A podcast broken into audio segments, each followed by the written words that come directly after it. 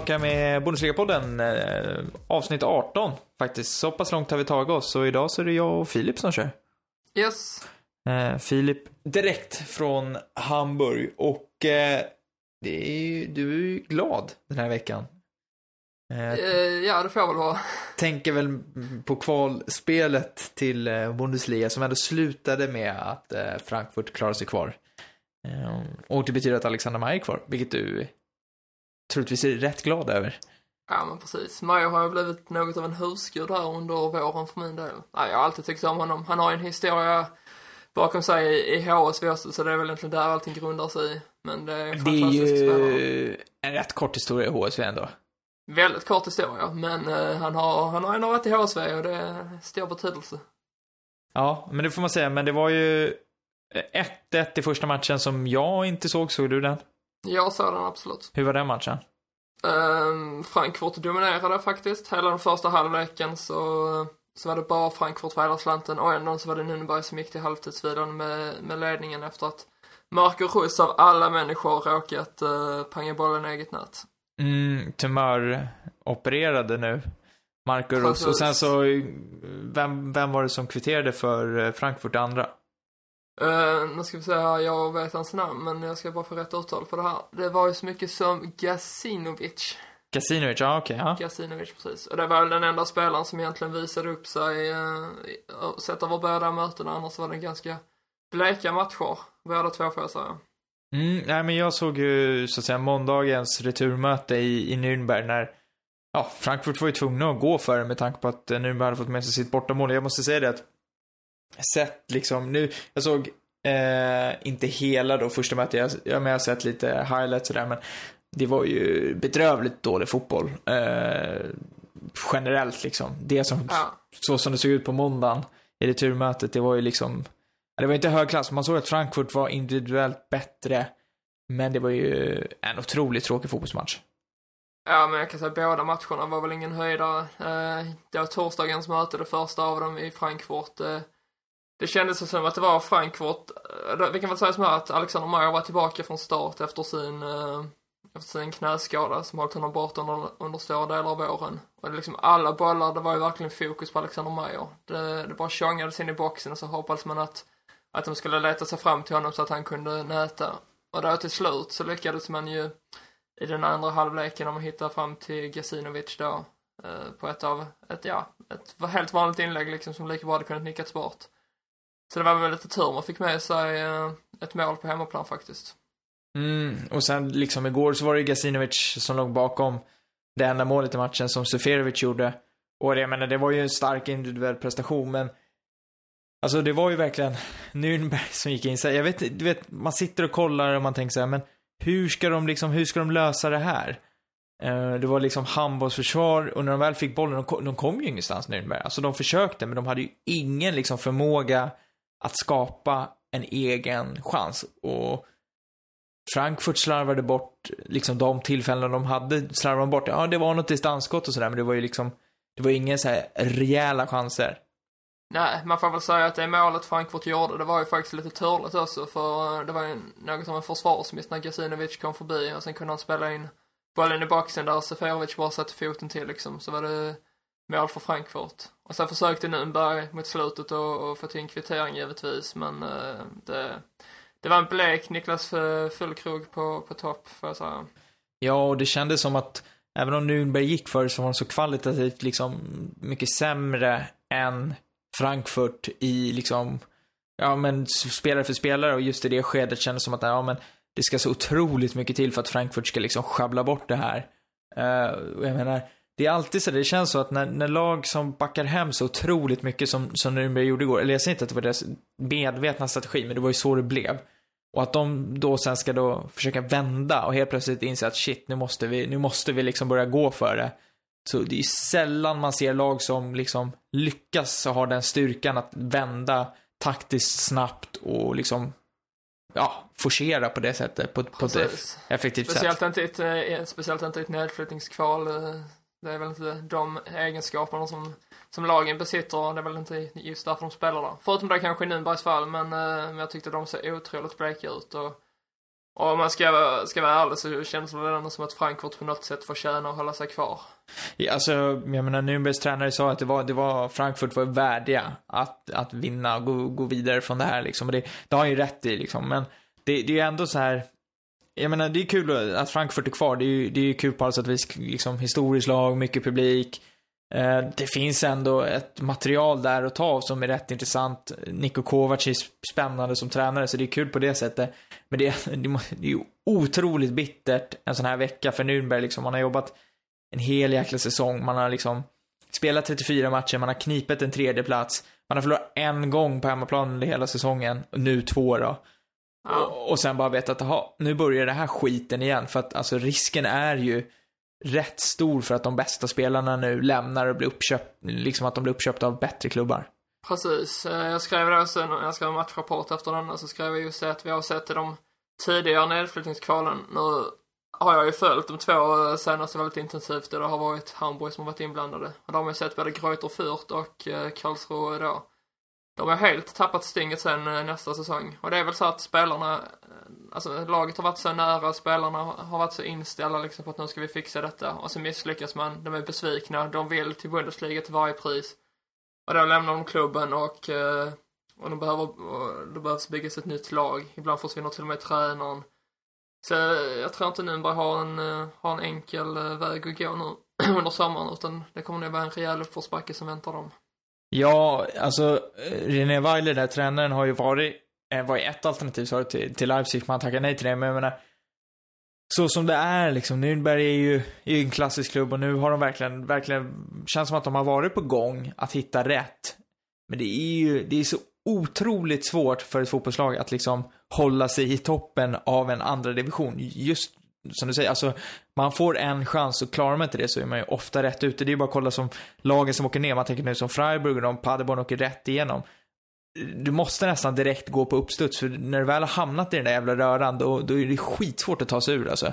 Ja, Eh, men det var därför jag i, i, liksom idag, tisdag, när vi spelade in där, skrev en text om att eh, Bundesliga borde utökas till 20 lag. Dels i, skriver jag liksom att eh, Nej men för mig känns det lite som att de här matcherna eh, i kvalet, de jag har sett de här senaste åren, eh, de, har ju varit rätt dåliga liksom. Det är inga roliga matcher. Jag menar någonstans så handlar det om att det här, jag menar målet är ju att det ska ge en liten extra liksom svung så att man känner att ja, men det, det är liksom Bundesliga lever eh, och att man ska få lite ja, men, ny energi och se fram emot kommande säsong.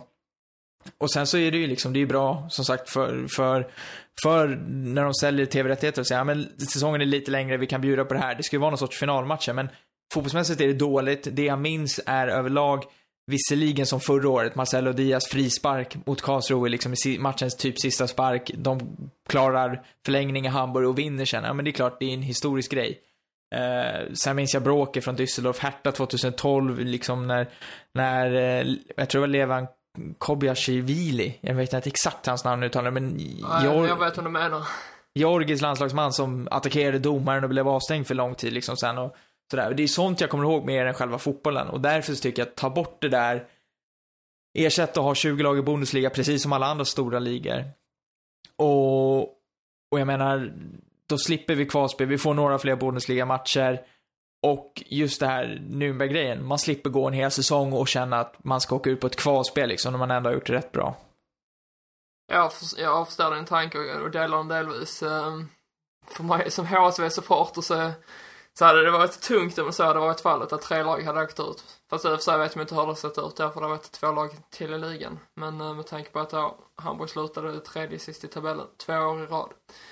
Ehm, men det där är svårt. Bundesliga är en sån traditionsrik liga så för det första så ska det nog mycket till för att detta ska genomföras inom en snar framtid. Men men jag håller med dig. Kvalmatcherna har inte varit någon höjdare och det är väl egentligen bara de här lagen som eh, var supporter eller supporterna var, som håller på de här lagen som är involverade som, eh, som faktiskt bryr sig på riktigt. Och som tycker att det är nervkittlande när de sitter och tittar. Ja, nej men alltså, så vet jag att folk sitter och tänker så här, men vadå två lag till? Jag menar om vi bara liksom tar det, när man har pratat om sådär med allsvenskan så ja men då är det två skitgäng som kommer upp. så kan ju fallet vara, men i Bundesliga, alltså jag menar det finns ju rätt många bra klubbar i Zweite Bundesliga som liksom har erfarenheten, som har historien av att spela i Bundesliga, som rätt enkelt skulle kunna anpassa sig till det. Jag kan liksom inte se att sådana grejer skulle vara ett problem. Det, däremot så håller jag med dig om att just liksom Bundesliga är otroligt traditionsrik och jag menar det är, det är en seg förändring om det ska bli av, men känslan är ju att de faktiskt försöker förnya sig lite med tanke på att de vill tjäna liksom, de vill tjäna pengar. De vill ju bli större internationellt liksom. Så är det ju. Vilka lag hade du äh, velat se äh, skulle, om vi då tar de 18 lag som finns där nu plus två till från Schweiz, vilka hade du velat se skulle ta steget upp? Mm, ja men Nürnberg ligger ju väldigt, väldigt bra till. Det är tråkigt. Kaiserslautern känns för mig så här supergivet. Eh, uh, om jag ska liksom välja, om jag fick välja det första laget så skulle ju Kaiserslautern tror jag vara, har ju allt man vill. Och i svenska ögon dessutom Ronny Hellström som superlegend i Kaiserslautern liksom. Men historia, eh, tradition, mycket publik. Eh, det, men det, är en, det är en kanonklubb. Jag har hört att det ska vara liksom en av de bästa bortaresorna man kan göra. Eh, så att eh, jag skulle nog säga Kaiserslautern och så skulle jag nog säga ändå Nürnberg för att det är också så, som jag sa i förra veckans podd tror jag, är liksom att det, det, det, är ändå kopplat. Jag har bott nära, jag har varit där, bra stämning. Fin stad, eh, mycket historia där också. Jag menar, de har ju historia som sträcker sig långt innan liksom Bundesliga, utan de har ju liksom en, en, en tradition. De var ju starka på 20 och 30-talet liksom, så att eh, eh Nürnberg och Kaiserslautern skulle jag nog säga. Vilket tycker du? Eh, först och främst skulle jag vilja säga att jag hade velat byta plats på Stuttgart, Hannover med Darmstadt och Ingolstadt. Um, och sen då om man ska ta upp två lag till så 1860 München har jag alltid haft ett gott öga för, så de hade jag gärna sett tillbaka. Och sen är det faktiskt någon av Nürnberg eller Kaiserslautern. Eventuellt Düsseldorf också med tanke på att det ändå är en ganska stor stad och, och så. Dock är det ju ännu en, en klubb där i smeten ute i väst, så jag vet inte om det behövs. Men... Eh, Nej, det där klustret av Bundesliga och Zweite Bundesliga-klubbar ligger Düsseldorf exakt, liksom. Exakt, exakt. Men nej, men Nürnberg eller Kaiserslautern hade man väl också velat se. Egentligen är båda två uh, Bundesliga-klubbar åtminstone i mina ögon. Så det är svårt att välja en. Men jag sa nog en, jag sa nog en Kaiserslautern där. Men varför tycker du 1860 München? Alltså det är ju en lång historia men när jag, jag är uppväxt i Ystad och eh, på somrarna där, när det var så analog tv. Så på sommaren när det var riktigt fint väder så fick vi en tysk tv. Via antennen då. Och eh, som den fotbollsnörd man var redan i ung ålder så fastnade jag för när det var så sammandrag från Bundesliga. Och det var en match när 1860 München mötte eh, Bayern München på Olympiastadion i München då. Och eh, de åkte på råpisk verkligen. Och jag kommer ihåg att de hade så här resultattavlor där de hissade upp sådana här eh, resultatet då. Det blev väl något sånt där 7-0 kan jag tänka mig. Och ja, jag fastnade för det helt enkelt. Trots att de åkte på eh, storstryk. Men det är väl säger väl någonting om mig som person och det är kanske en grund till varför jag håller på HSV också. Jag säga, det är kanske, det låter ju som att jag borde hålla på det med tanke på att jag är Hammarbyare liksom. Exakt. Eh, ja okej, okay. men annars, det, det, är mycket samma hör när 1860 München är, ja men det är det, det, är det klassiska Münchenlaget. Åh, är det verkligen det? Alltså, kan jag börja, när folk säger det, alltså jag kan förstå men jag menar 1860 fick ju spela första året, när Bundesliga grundades 63 så var ju 1860 München i Bundesliga, ja. medan Bayern München inte var det. Och det var ju ändå så att Bayern München hade slutat dåligt säsongen innan i den här regionala ligan som, som någonstans blev kvalgrejen till Bundesliga och för att uppdelningen av lag skulle vara liksom geografiskt så att det blev korrekt, för gjorde att bara ett lag från München fick vara där, för annars hade Bayern varit med. Sen kom ju liksom Bayern upp 64 och slutade väl rätt bra redan i början. 1860, sett till Bundesliga-traditionen så har ju 1860 inte sådär jäkla mycket liksom, ja, Nej, jag, jag håller helt med. Men uh, jag vet inte, det är bara att jag... Det var samma när jag var och kollade på dem här mot, mot St. Pauli i Hamburg och jag... Och då vann de med sin match där och det var, ja. Det är nog en klubb jag har ett gott öga för. Jag kan absolut inte säga att jag, jag håller på dem, men uh, jag önskar dem allting gott i alla fall och uh, jag hade tyckt det var kul att se dem tillbaka i, i finrummet är det inte lite så liksom att man också, det blir lite extra för 1860 München att de någonstans levt i skuggan av liksom de stora giganterna FC Bayern och att det, det liksom gör att man tycker om dem lite extra för att man, man vill ändå att det är lite David mot Goliat och man, man håller på David liksom. Mm, nej men absolut så är det ju. Uh, det är underdogs, jag har alltid varit svag för underdogs. Helt enkelt. Men sen är det, väl också någonting med när jag var liten med de här färgerna, ljusblått och vitt tillsammans och klubbemblemet, sen bara namnet är jäkligt coolt, liksom 1860 München. Jag vet inte. Det, det sitter i grund och botten liksom.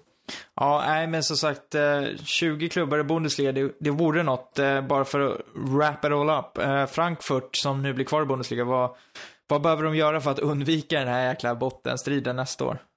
Alltså grejen är den här att egentligen behöver de kanske inte ens göra så mycket utan det är kanske bara bygga vidare nu på det man har egentligen och, och helt enkelt ha lite mer tur i sina matcher. Dock så tror jag att det kommer hända en hel del i trupperna, eller i truppen nu rättare sagt. Eh, det snackas redan om en hel del spelare, till exempel Ivo Elisevic från HSV som inte får nytt kontrakt där sägs ju vara klar och att det redan var klart innan eh, kvalet, bara det att han först ville se i vilken division de skulle spela i, men då blir de ju kvar och det väntar sen gå dit. Men sen är det en annan spelare det ryktas väldigt mycket om. Miro Klose? Exakt, och eh, jag tror väl inte att den övergången kommer bli av. Eh, Det känns, känns eh, 50-50 känns det nog inte, utan mer 60-40 till att inte blir av då ju. Men eh, det var ju verkligen intressant. Alltså det vore superspännande, men det verkar ju som att Klose faktiskt vill tillbaka till Bundesliga snarare än att flytta till USA. Och han har ju noll USA-aura, det får man ge honom. Att han, det, han känns ju, skulle kännas helt felplacerad i MLS. Men, men, nej, jag är inte heller säker på att Frankfurt är rätt. Samtidigt, jag menar, kom han dit, han är ju garanterad speltid. Det är ju han och Mayer i så fall. Och jag tror att han och Mayer skulle passa bra ihop. Snittålder på, vadå, 35 bast i anfallet. Men Nej men så att, alltså det vore kul att se. Jag ser gärna Klose i Bundesliga igen. Men jag vet inte, han har väl ändå gått rätt hyfsat i liksom i Lazio, trots att han har varit skadebenägen. Nej, men så har jag också förstått det. Han har ju gjort sina mål varje säsong och nu när han, när det stod klart att han skulle lämna Lazio så blev det en stor ceremoni på matchen och, och fansen har ju verkligen uppskattat honom. Så man får väl tolka det som att han har eh, gjort ett stort avtryck där. Dock hade jag ju tyckt det var fantastiskt kul om man gick till Bremen istället, där han faktiskt har en historia. Eh, och bildade anfallspar med Claudio Pizarro. De båda är 37 år gamla. Ja, den snittåldern är ju inte heller att leka med alltså. Nej, Eh, det var ju på den där tiden när Bayern värvade loss alla bra spelare från Bremen som, som Klose var där ja. Med Borowski och, och Frings gick i och för sig via Dortmund va, till Bayern och vad det nu var mer. Ja, Pizarro var väl en del av det också såklart. precis. Nej, det blir spännande att se. Eh, som sagt, Frankfurt kvar i Bundesliga och eh, Nürnberg får spela ytterligare en säsongsfight i Bundesliga så får vi se om vi får tillfälle att prata om dem till eh, kommande säsong. Capo è fertigt.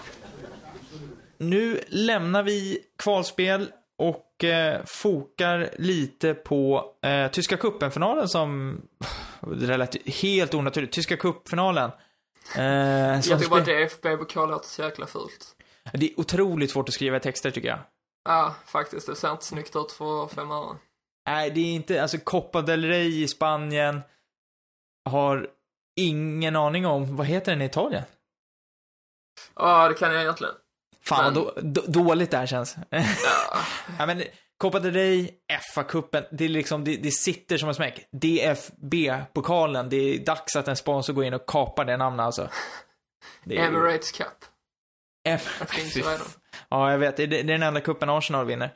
eh, men, ja, men tyska cupfinalen spelades i helgen. Det var ju Bayern mot Dortmund och det blev en jäkla lång tillställning som bjöd på noll mål förrän det blev eh, straffläggning och det var, nej, det var ju, det var en bedrövlig straffläggning. Verkligen, det var ju... Med tanke på att det är Tysklands två största klubbar och som är högt ansedda runt om i världen så hade man kanske förväntat sig lite bättre straffsparkar än de som det bjöds på. Ja, men alltså, jag, jag måste ju säga att när man dundrar in Sokratis och Sven Bender som tvåa och trea i, Ja. i Dortmund straffskyddet. Alltså, jag vill inte, man vill inte vara fördomsfull, men det här med att skicka fram en mittback till att slå en straff, det är ju inte, det är inte supervanligt att man gör det på topp 5-listan liksom. Nej, där finns ju de mittbackarna vars, eh, vars straffot är helt gudomlig. Jag minns ju till exempel att det fanns en målvakt till och med som spelar för, um, för både HSV och Bayern. Kommer du ihåg namnet? De brukar göra, eller lägga straffarna. Hans-Göran Butt. Exakt, exakt, exakt. Han, eh, lite kul med mål, eller med namnet där, med Butt. Det var väl han och Chilavert i... Uah. Paraguay vill jag ju säga, men det är nog Chile va? Uh, jag är inte rätt man att svara på det, men eh, uh, Butch i alla fall, han, uh, han bevisar i alla fall att han uh, kunde lägga straffar. Och uh, där finns väl en del mittbackar som kan göra det också, men uh, Sokrates och Bender, i den mån man betraktar honom som en mittback, är inte, är inte rätt uh, ämnade för det i alla fall, det fick vi tydligt se här. Nej, det, det var Sokrates stolpe ut, Bender bara en bedrövligt dålig straff. Uh, men sämst straff slog ju ändå Joshua Kimmich. Ja, det får man ge honom. Det var ju kul att Ribéry hade sagt det efter, efteråt till honom också, att han aldrig hade sett en så dålig straff under hela sin karriär. Nej men, det som var så kul var att han, han går fram, eh, stannar upp, försöker läsa målvakten och sen slår den mitt på målvakten. Ja. Det hade dock varit jäkligt tjuligt om den hade gått mellan benen på Burk in i mål, men eh, det gjorde det inte. Nej, men när man blev så där tänkte jag så här, men okej okej. Samtidigt, jag menar, har han sagt att nej, men jag, jag tar gärna en straff, då fattar jag att han är med i den där topp 5. Intrycket man fick efter, liksom i Dortmund-lägret var ju när Torshäll sa att nej men, dels så sa ju Torshäll det var mitt fel att jag placerade straffskytten och så här.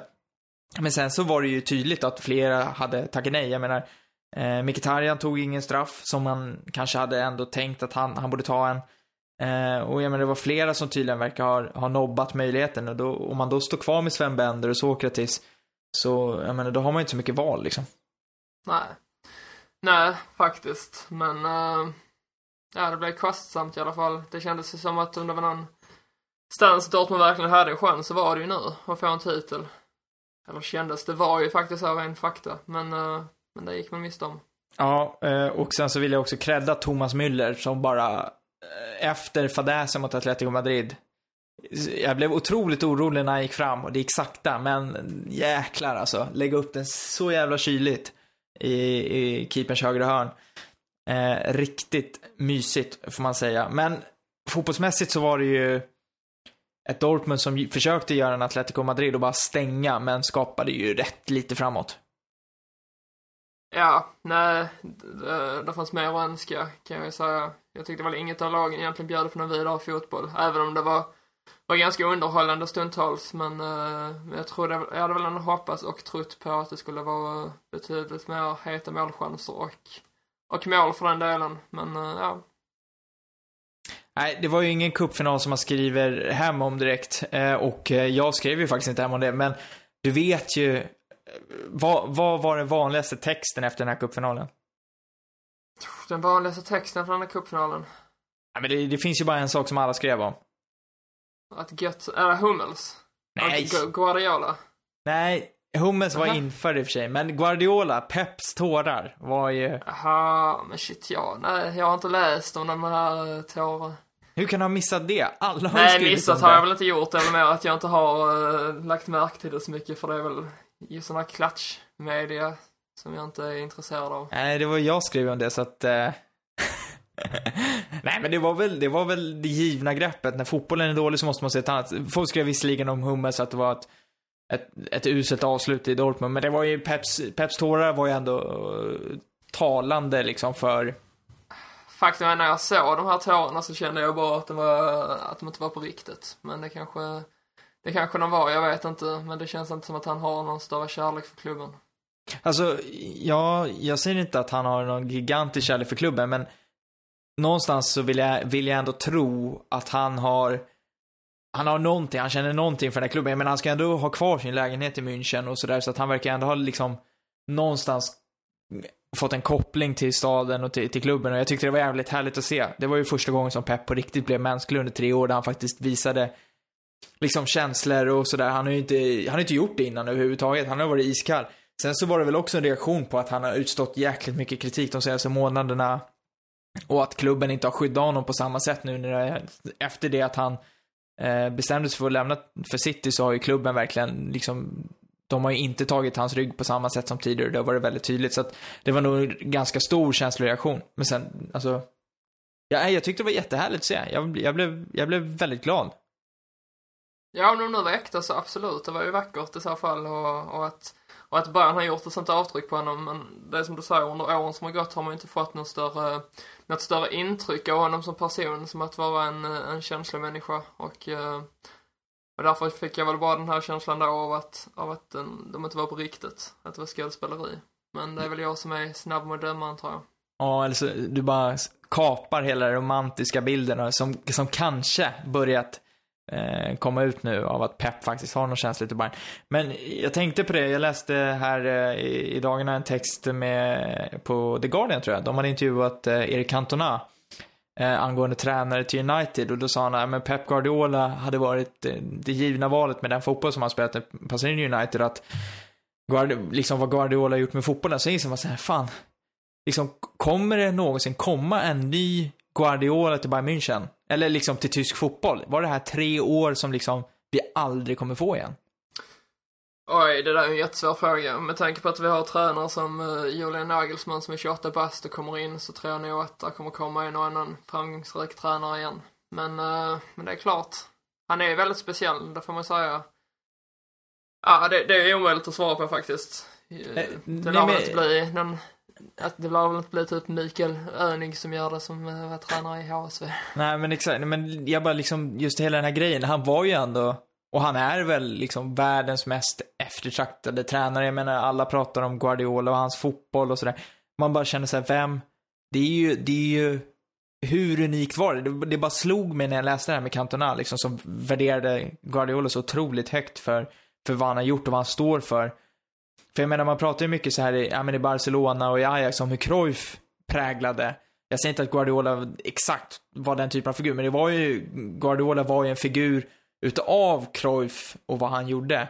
Och då undrar man liksom, vad kommer efter det här liksom? Finns det, alltså, eller har man någonstans försummat de här tre åren? Man har liksom glömt bort det stora perspektivet och bara sett det här och nu för att, nej, jag bara, jag blev så här, hopp.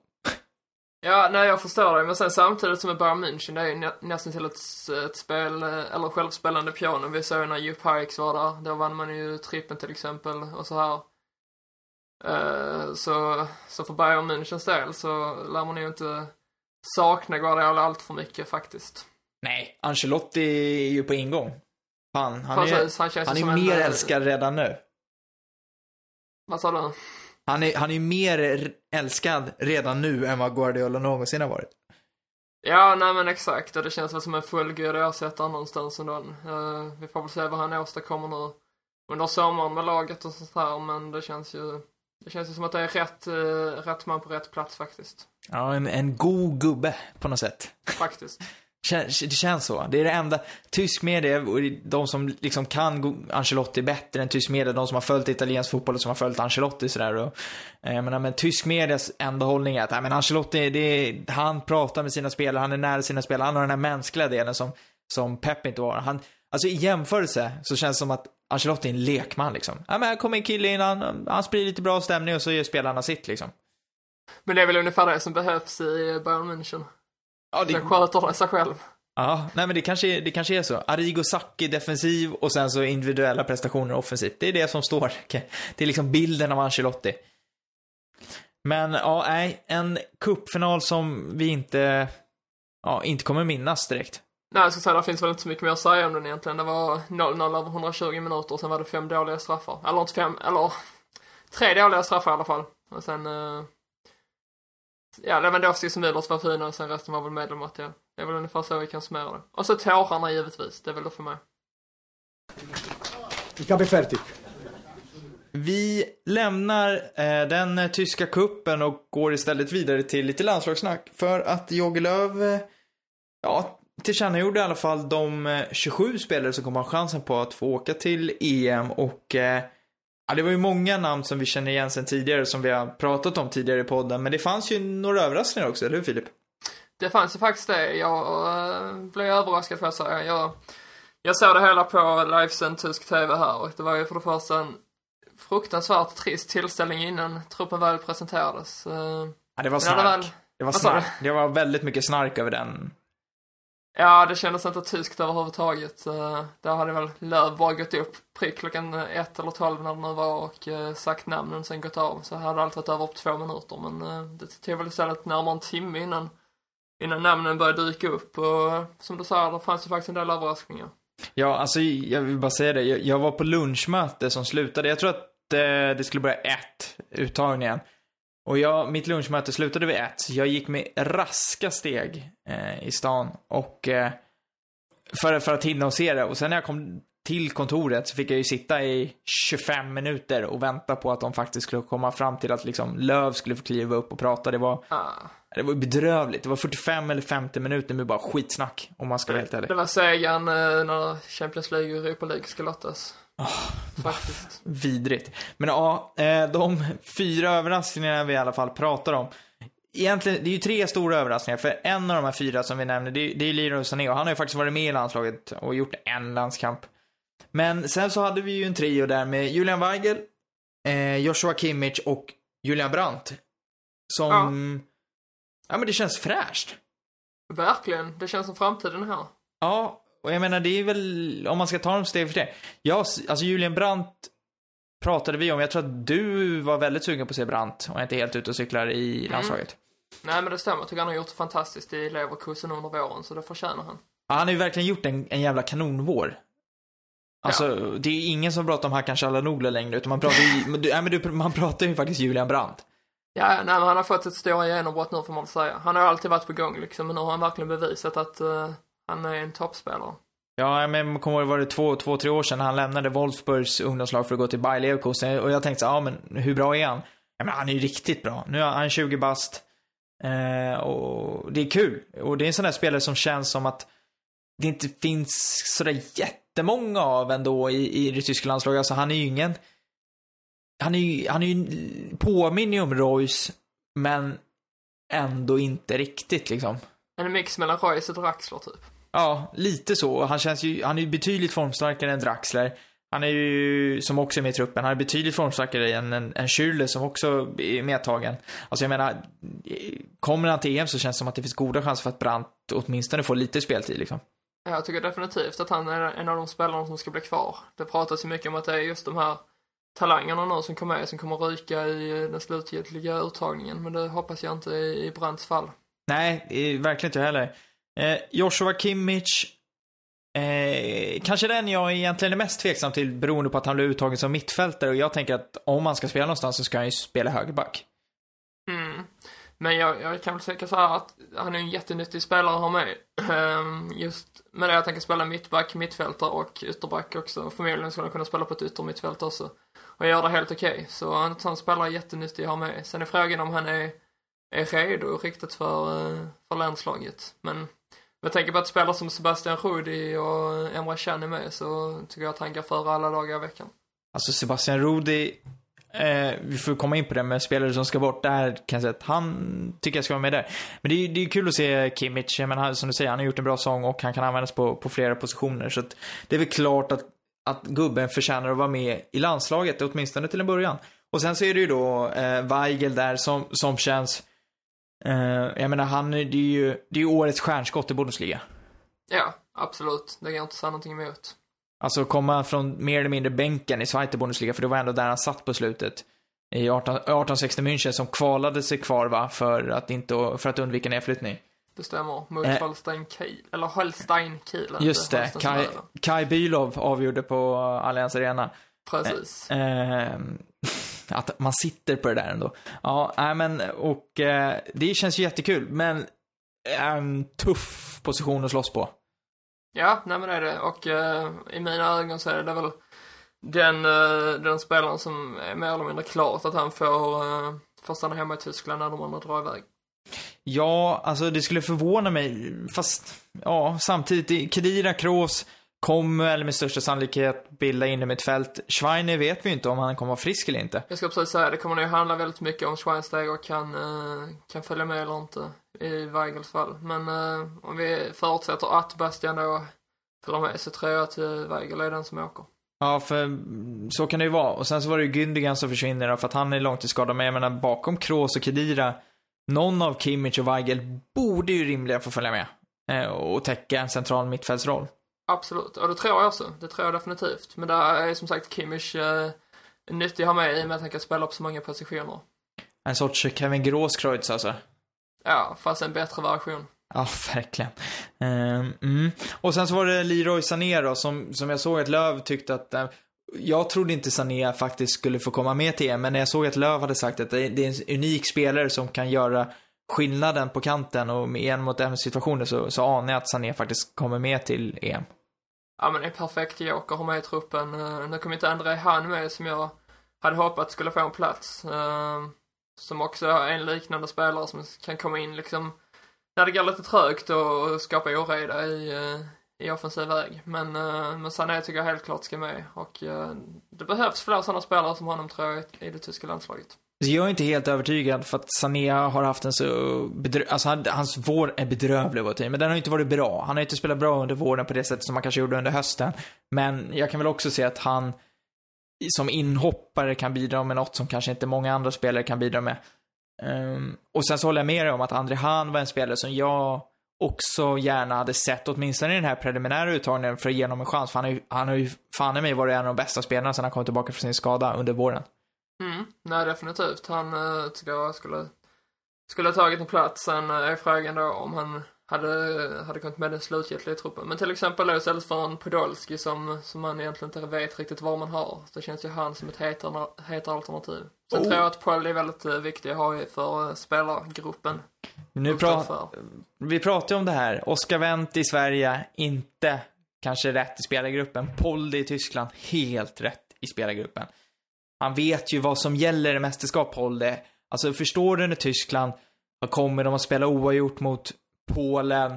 Jag menar, Lukas Podolski kommer ju göra att det är kul att åka hem till hotellet på kvällen då. Exakt, och det är sådana spelare som är viktiga att ha med i laget. Ja, nej men så är det ju. Och 127 landskamper talar ju för sig själv någonstans. Ja. Om med eh. tanke på Lövs historik med, med vad han, med att han föredrar erfarna spelare så kommer ju Podolski följa med. Mm.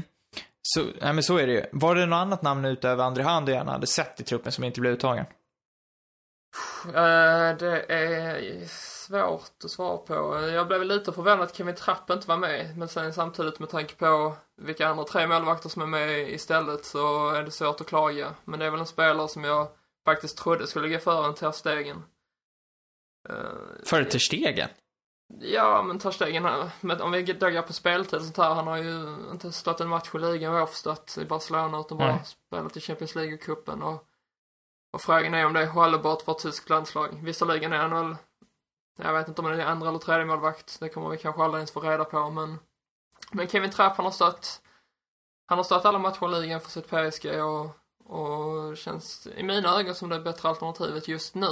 Sen i, i grund och botten så tror jag nog att Terstegen är en bättre målvakt, men han har ju inte fått så mycket speltid som sagt. Alltså jag hade ju skeppat Leno före Terstegen, till förmån för Trapp. Ja, kanske. Jag tycker Leno har gjort sig förtjänt av platsen. Jag tycker det är kul att det är en målvakt från Bundesliga som, som får chansen. Nu när inte Siler eller Weidenfeller är med. Adler du... hade faktiskt också varit ett helt rimligt alternativ kan jag tycka efter hans fina säsong i HSV. Räknar du inte Manuel Neuer till målvakter i Bundesliga? Jo, absolut. Men han är ju, han kommer ju spela där resten av sitt liv. Eh, eh, och han är ju given etta så. Så, så bortsett från det liksom. Sen ska man inte gå för mycket på det heller, med vad de spelar till vardags. Nej, men eh, en som jag saknade, eh, eller som jag tyckte borde kanske varit med mer, det, det är ju Gonzalo Castro. Eh, som har varit väldigt bra i Dortmund tycker jag. Och som också har den här som vi pratade om med Kimmich, att han kan spela på flera olika positioner. Eh, jag, hade, jag hade kunnat tänka mig Castro, jag säger inte att han eh, kanske ska vara liksom, men i den här preliminära med 27 man, då kan jag tycka att Castro hade kunnat göra sig bättre. Jag tycker till exempel att Anders Schürrle för mig, att han är med i en trupp i, ja, med det han har presterat den här säsongen, det tycker jag är väldigt förvånande. Ja, alltså där är jag lite kluven också för Schürrle får väl ändå något sätt ranka som anfallare, även om han också kan spela ute på kanten, men men i offensiv väg annars så finns det inte så mycket äh, spelare Alltså det, vi har ju där Mario Gomez till exempel och sen Thomas mm. Müller som också kan spela anfallare men som i Bayern är han ju inte renodlad anfallare. Och Nej. André Schürrle tror jag när vi får betrakta som en anfallare i den här truppen faktiskt. Ja, eh, Götze kommer säkert räknas dit också antar jag. Och Götze kan man också ifrågasätta, men det är ju en lövfavorit och Götze presterar faktiskt nästan alltid i landslaget. Jag tror ju personligen att Mario Gomez kan bli EMs stora skyttekung. Ja, det är inte alls omöjligt. Han har ju haft en kanonsäsong i Besiktas och och är väl faktiskt underskattad av det tyska folket eh, med tanke på att den turkiska ligan inte följs slaviskt. Så eh, jag tror att han kan överraska när han, när han väl får, eller om han väl eh, kommer in i sitt, i sin, i sitt målstim liksom. Mm, om du får välja då fyra spelare som ska bort ur den här truppen, vilka fyra skulle du ta bort? Sett till hur det ser ut i dagsläge, inga tankar på skador, bla bla bla, utan bara liksom de här fyra spelarna tycker inte jag ska med till EM. Ja, egentligen så hade jag nog sagt då Emre Can, eh, Sebastian Rudi, Antonio Rüdiger och eh, Julian Weigel. Men det är ju svårt att ta bort tre försvarare. Eh, Eh, men ja, några av de andra namnen så tycker jag ändå inte borde petas. Det är väl i så fall Schweinsteiger om att han är frisk. Men, eh, men som du säger så ska vi inte tänka, ha det i åtanke. Så, så jag säger nog de fyra faktiskt.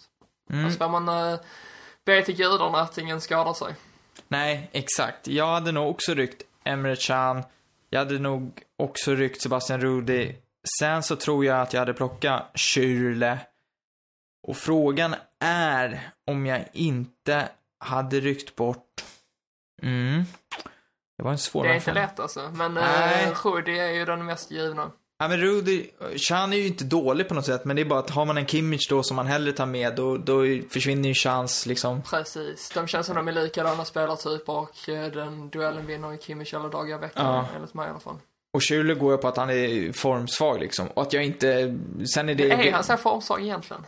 Ja, Jag tycker ändå nu mot slutet att han är den som har på något sätt räddat hedern för Wolfsburg, även om de inte knep någon heder överhuvudtaget. Nej, noll heder på Wolfsburg den här säsongen. Nej, men säg då att Weigel också får försvinna, även om jag någonstans gärna skulle se honom i truppen. Men de fyra. Weigel, han kommer ju vara med i framtiden. Eh, han är ju ett framtidsnamn helt enkelt. Så att han inte får spela EM tror jag inte är någon större sorg för varken honom eller det tyska landslaget. Utan eh, han kommer få chansen i framtiden. Bara det att han är med nu i den preliminära truppen säger ganska mycket. Ja, alltså, sen ska man väl säkert inte underskatta att Löv tänker att de här som inte får spela nu, av de unga killarna, att chansen är stor att de istället får åka till OS. Eh, och att det också, Precis. också kan vara en anledning till att typ Brandt, Kimmich, eh, Weigel och Sané eventuellt inte då skulle få följa med. Att det skulle kunna vara så. Om... Men det var ju fruktansvärt tråkigt. Ja, nej men alltså jag menar det är så det kan vara tänkt. Man vet ju aldrig och det är ju, eh, Alltså man vet ju att de är, eh, alltså inte, bleh. man, man vet ju att de vill undvika att ta spelare från andra landslagstrupper. Det har ju varit så här uttalat i det tyska förbundet att de, om Löv ska ha någon, då ska han ta honom tidigt. Annars så försöker han undvika det just för att typ Horst Rubisch försöker bygga sitt lag. Men ett OS-lag byggs ju inte förrän i sista sekund. Vilka, vilka spelare tror du för övrigt kan få följa med som är över 23 till OS? Oj. Vad Hur många är det? Är det tre stycken? Ja, jag tror det är tre. Heiko Westerman? Nej, kanske inte. Nej, känns svårt. Nej, men bara så här. Det svårt. Jag har inte typ- ens funderat över det tidigare så det blev väldigt plötsligt. Men eh, det hade ju varit fantastiskt om typ så Alexander Meyer hade kommit med men det lär han ju inte göra. Hade det varit förra säsongen så kanske, när han vann skytteligan. Miro Klose. Ja, det hade jag varit helt underbart. Men eh, jag tror inte det kommer hända heller. Nej. det är omöjligt att svara på nästan. Ja, det blir spännande att se, för den diskussionen kommer ju förr eller senare att komma. Men ja. Vi får se vilka spelare Löv tar med sig till EM. Det är ju ett par träningsmatcher kvar. Eh, och så får vi se vilka han skeppar. Il capo è fertig. Innan vi avslutar eh, dagens podd så tänker jag att vi ska prata lite om eventuella, eller eventuella, eh, om rykten. Som det, jag Mm. menar, vi börjar gå in i transfertider och jag menar, Filip, du har ju säkert väldigt mycket som du vill prata om ryktesmässigt.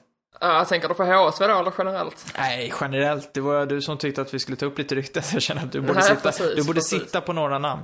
Ja, nej men eh, som sagt det är mycket prat nu och tyvärr får jag väl säga då så är det ju mycket rykten om spelare då från Bundesliga till Premier League. En utveckling vi, vi nog kommer få, få vara vana vid att se uh, arta sig nu de kommande åren. Förra sommaren var det redan ett gäng som försvann och, och det är väl ännu fler som är på väg bort nu. Till exempel så Granit Xhaka från eh, Gladbach. Han är väl mer eller mindre klar för Arsenal. Har setts fotograferas i Arsenals tröja och allt det här så det är väl bara en tidsfråga när han presenteras.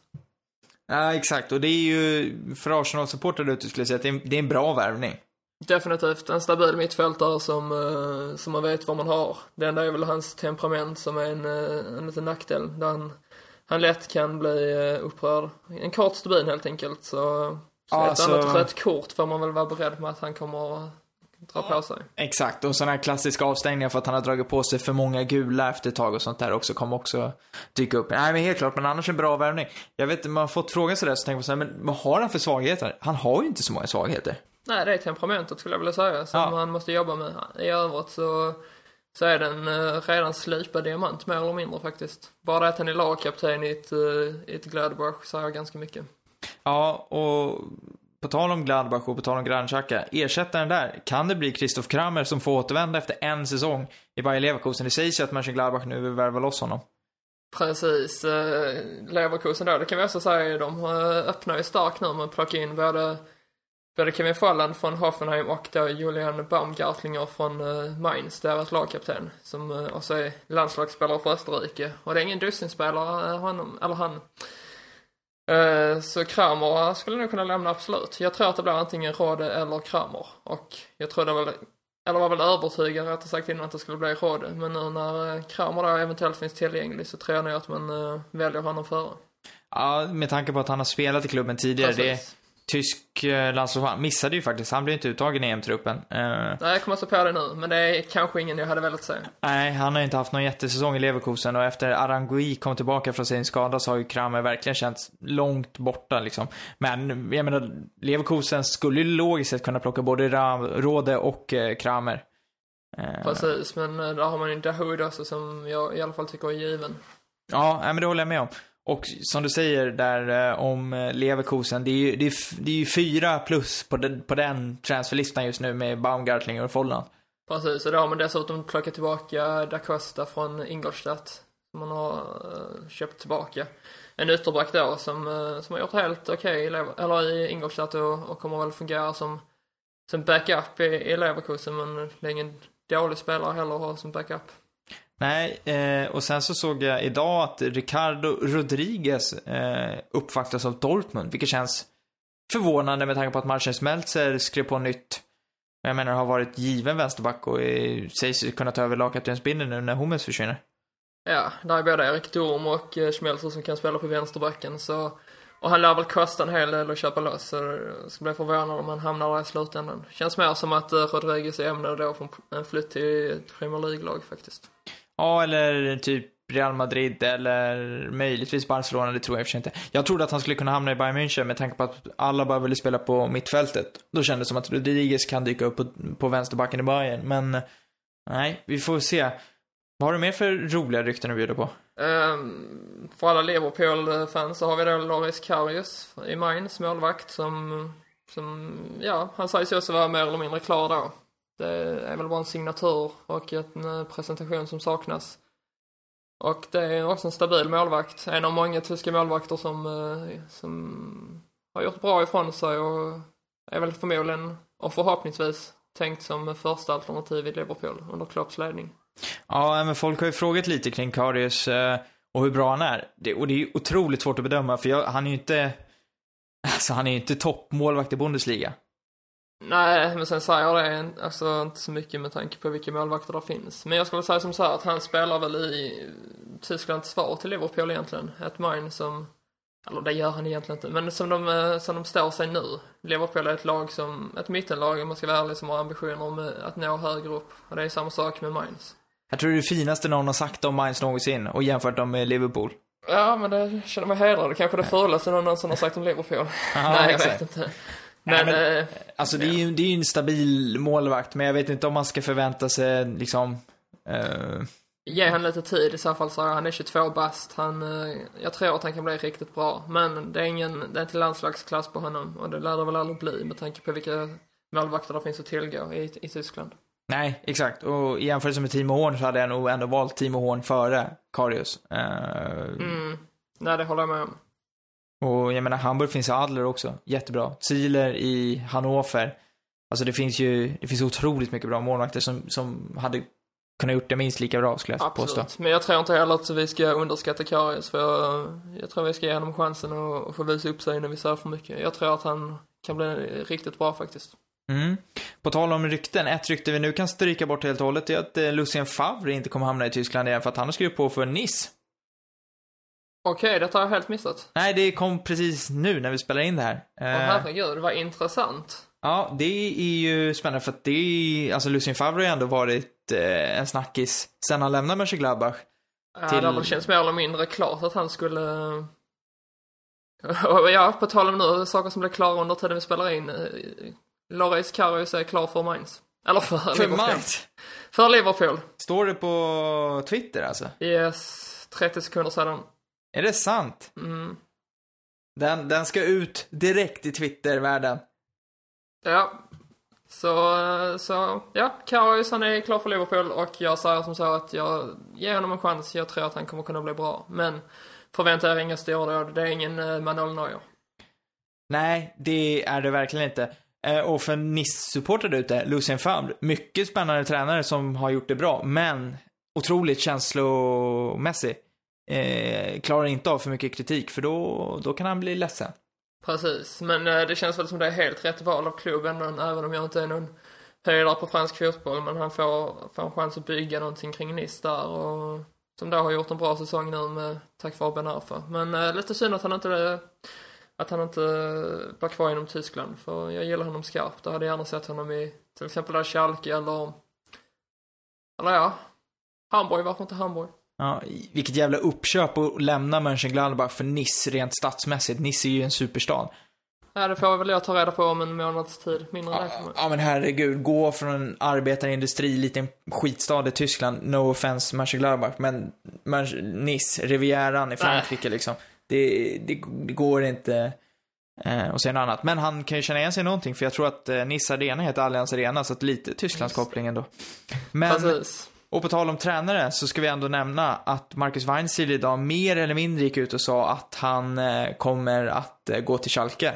Eh, han kommer inte stanna kvar i Augsburg i alla fall. Han uppger att han ser fram emot uppgiften i Schalke. Men det är inte officiellt. Men eh, Det kommer bli Schalke. Ja, men det är klart det kommer bli det. Och det är ju spännande. Men det är ju som jag skrev på Twitter, det är ju Schalke slukar ju tränare.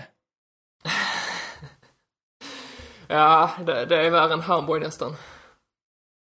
Nej, men alltså, ja men så är det ju. Alltså, herregud. Han kommer ju få sig, det är lite skillnad eh, på att träna ett Augsburg och att träna ett Schalke, för pressen är ju enorm. Sen kanske det, han får lite mer tid av att eh, ny sportchef, Christian Heidel och sådär, och att de ändå ska bygga upp något nytt, men eh, det kan börja blåsa fort. Så är det ju absolut. Dock tror jag att man kommer att tåla med, med Weinziel med tanke på att det är just Weinziel. Um, ehm, så det ska bli intressant att se vad han kan åstadkomma. Jag tror att Schalke kan ha någonting på gång. Annars eh, har jag tyckt de senaste åren att det har börjat likna att det börjat likna samma resa som Hamburg har gått igenom de senaste säsongerna. Där man har gått från ett topplag till ett eh, krislag. Men Mm. nu kanske man lyckas avstyra detta med, med en sån omstrukturering som man faktiskt genomför just nu. Ja, nej men verkligen. Eh, sen så tänkte jag också på att vi ska säga lite om, vi har ju pratat om Leipzig och Emil Forsberg och sådär, men Leipzig som skulle gå ut på sin värvningsturné, de har ju stoppats av att alla andra har värvat typ deras spelare. Eh, till exempel Kevin Folland som gick till Leverkusen och sådär, så det blir spännande att se var de faktiskt hamnar med slutligen i, i, i Leipzig.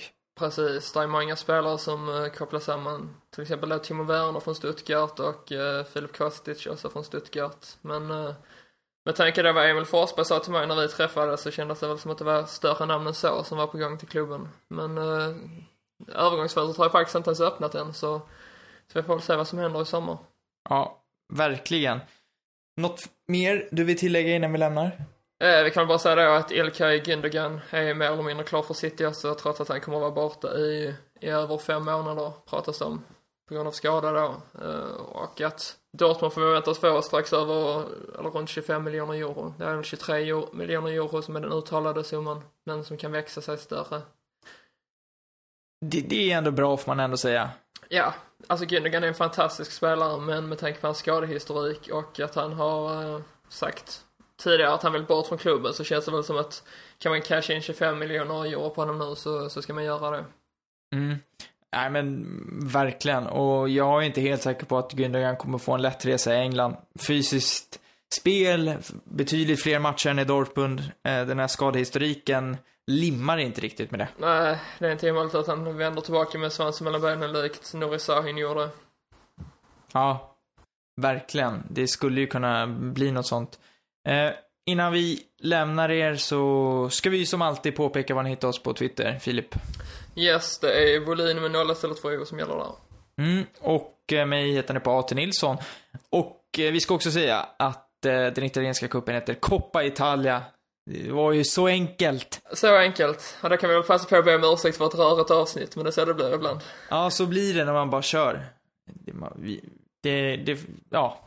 Nej, Det så, det ska det inte vara. Vi tackar för oss och så hörs vi igen om en vecka. Och glöm inte att gratulera era mödrar på söndag, för då är det mors dag.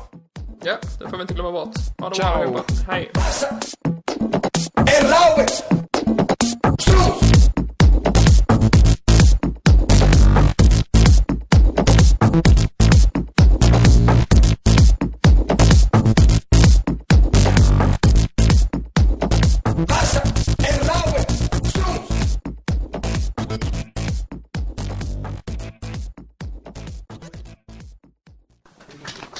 Il ferti.